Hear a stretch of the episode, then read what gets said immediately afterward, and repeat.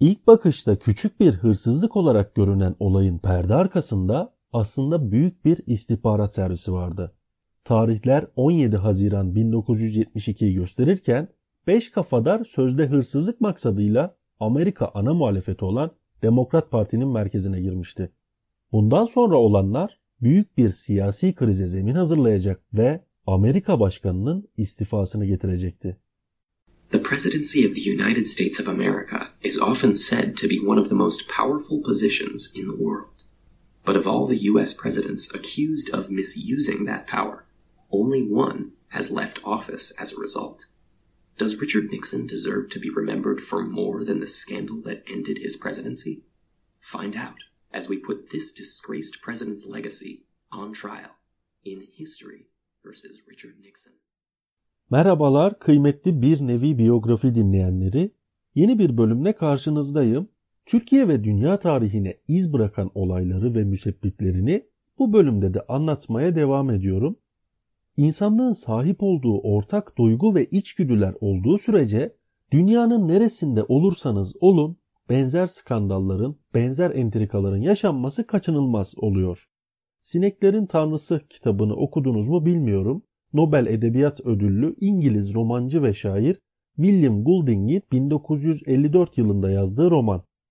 Özgün adı Lord of the Flies olan roman Türkiye'de Sineklerin Tanrısı ismiyle çevrildi. Bazı yayın evleri tarafından İşte Bizim Dünya adıyla da yayınlandı. Goulding bu kitabı insanın doğasını ve içinden gelen kötülüğü sorgulamak üzerine yazdı. Daha ilginci konuyu çocuk karakterler üzerinden hikayeleştirdi.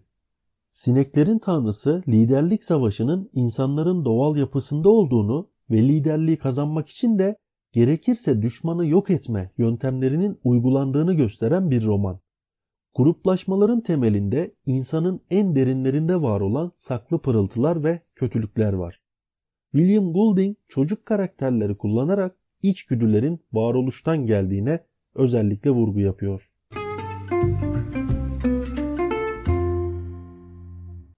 Amerikan siyasetinin bir dönemine damga vuran Watergate skandalı siyasi sonuçlarından ziyade diğer birkaç yönüyle oldukça çarpıcı. Kurumların işleyişinin bir ülkenin toplumsal istikrarı için ne derece önemli olduğunu bu olayda çok net görüyoruz. Efendim gerçekleşen skandal ismini ABD'nin başkenti Washington'da bulunan bir otel ve iş merkezi olan Watergate'den alıyor. Şöyle ki 17 Haziran 1972 günü 5 tane hırsız Watergate iş merkezindeki Demokrat Parti'nin ofisine girmeye çalışırken polis tarafından yakalanıyor ve soruşturma başlatılıyor. Alınan ifadeler sonucunda anlaşılıyor ki Watergate'e girmeye çalışan bu 5 sözde hırsız Başkan Nixon'ın da mensubu olduğu Cumhuriyetçi Parti'nin adamlarıydı. Alınan ifadelerin ardından kamuoyunu şoka uğratacak bilgiler ortaya çıktı. Skandala konu bu 5 kişinin asıl amacı Demokrat Parti'nin ofisine dinleme cihazı yerleştirmekti.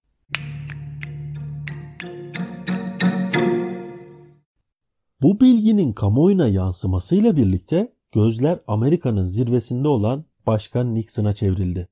Tabi skandalın boyutu artmıştı. Cumhuriyetçi Parti ve Başkan Nixon suçlamaları reddetti. Bunlar yaşanırken basın hırsızlığın perde arkasında duran yolsuzluğun peşine düşmüştü. Özellikle Washington Post'tan iki gazeteci Carl Bernstein ve Bob Woodward olayın iç yüzünü sürekli kurcaladılar. Olayı bütün çıplaklığıyla yansıtmaya çalışan bu iki gazetecinin önü kesilmeye çalışılsa da e, o dönem gazetenin patronu, yöneticileri vesaire gazetecilerine sahip çıktılar. Bu duruşlarıyla da e, tarihi skandalın açıklığa kavuşmasında e, dolayısıyla çok önemli bir rolleri var diyebiliriz. Özgür basın susturulamaz sloganının da vücut bulmuş hali budur herhalde. Başkan Nixon olayı araştırması için Adalet Bakanı Richardson'ı, Bakan Richardson ise Archibald Cox isimli bir savcıyı görevlendirir. Bir yandan basın da olayın aydınlatılması için çalışırken soruşturmanın seyrini Başkan Nixon'ın aleyhine etkileyecek bir gelişme yaşandı. Savcı Cox, Beyaz Saray'da başkanın bütün konuşmalarının teybe alındığını öğrenerek band kayıtlarının kendisine verilmesini ister. Nixon bu isteği reddederek Cox'un görevden alınmasını emretti. Başkanın bu isteğine karşı Adalet Bakanı Richardson Cox'u görevden almayı reddetti. Görevden el çektirme konusunda ısrarlı olan ABD Başkanı Nixon bu sefer de isteğini reddeden Adalet Bakanı Richardson'ın işine son veriyor. Bu arada skandalın peşine düşen iki gazeteciye Carl Bernstein ve Bob Woodward'a bilgi sağlayan Beyaz Saray kaynağının Deep Throat kod adlı FBI çalışanı Mark Felt olduğu söylenir. Watergate soruşturmasının aydınlatılmasında en önemli kanıt olan Beyaz Saray'daki konuşma kayıtlarının olduğu bilgisi de e, yine Mark Felt'ten gelmiştir.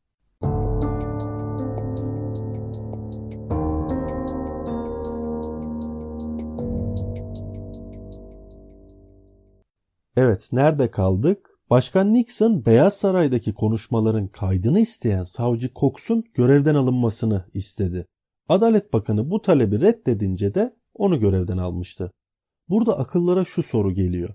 Başkanın direkt olarak savcıyı görevden alma etkisi yok mu acaba? Şayet öyleyse ki öyledir, kuvvetler ayrılığının kati çizgilerle ayrılması e, skandalların veya usulsüzlüklerin çözülmesinde çok önemli bir faktör gerçekten. E, sonraki süreçte ABD Senatosu da skandalı incelemek için özel bir soruşturma komitesi oluşturdu. Senato'nun Watergate görüşmeleri Mayıs 1973'te başladı. ABD'nin bağımsız televizyon kanalı PBS'in ülke çapında yaptığı mahkeme yayını kamuoyunda büyük ilgi uyandırdı. Senatörler bu görüşmelerde başkanın Watergate olayında kendi yönetiminin bu olaydaki payını e, örtbas etme planlarını onayladığını ve Oval Ofis'te bir ses kayıt sisteminin varlığını öğrenmişlerdi. Bunlar çok ciddi deliller soruşturma açısından. Bu arada Oval Ofis Amerika Birleşik Devletleri başkanlarının Beyaz Saray'da yer alan resmi makamıdır. Bunlar olurken Nixon yönetimi anayasal krize yol açan soruşturmalara direnmeye devam ediyordu. 1973'te yapılacak soruşturmaya karşı Nixon yönetiminin direnci Şubat 1974'te Temsilciler Meclisi'ni Nixon'a karşı bir suçlama sürecini başlatmaya yönlendirdi. 24 Temmuz 1974'te suçlama süreci devam ederken Yüksek Mahkeme oy birliğiyle Nixon'ın Oval Ofis kasetlerini hükümet soruşturmasına vermekle yükümlü olduğuna karar verdi. Kasetler Nixon'ın hırsızlıktan sonra gerçekleştirilen faaliyetleri örtbas etmek için komplo kurmuş olduğunu ve soruşturmayı saptırmak için federal yetkilileri kullanmaya çalıştığını ortaya koydu. Kısa bir süre sonra yargı komitesi Nixon'a karşı adaleti engelleme, görevi kötüye kullanma ve meclise karşı saygısızlık suçlarından görevden alma isteğini onayladı. Tüm bu yaşananlardan sonra hem parti içinden hem de halktaki desteğini yitiren Nixon 8 Ağustos akşamı bir açıklama yaparak başkanlıktan çekileceğini söyledi. Kameralar karşısına geçen Nixon, hiçbir zaman görevimi yarıda bırakan bir siyasetçi olmadım. Başkanlık dönemim bitmeden istifa etmek yapıma aykırı bir durum. Ancak başkan olarak önceliği Amerika'nın çıkarlarına vermem gerektiğinin bilincindeyim diyerek görevinden ayrıldı. Böylelikle Richard Nixon bugüne kadar görevinden istifa eden tek Amerikan başkanı oldu.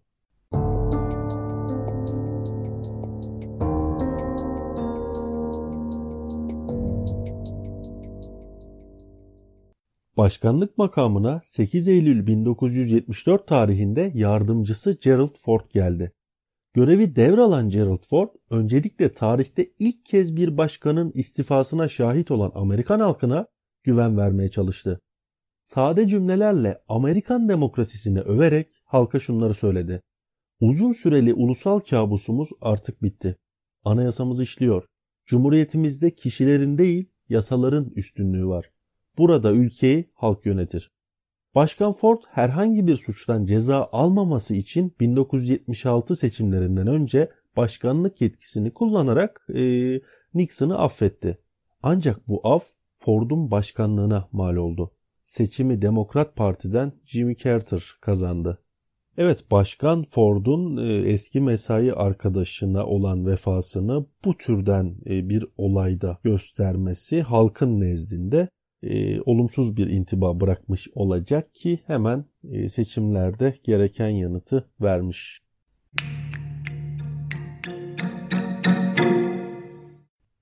Skandal toplam 69 kişinin suçlanmasıyla sonuçlandı. Yargılamalar ve savunmalar çoğu Nixon yönetiminde üst düzey yetkili olan 48 kişinin suçlu bulunmasıyla tamamlandı.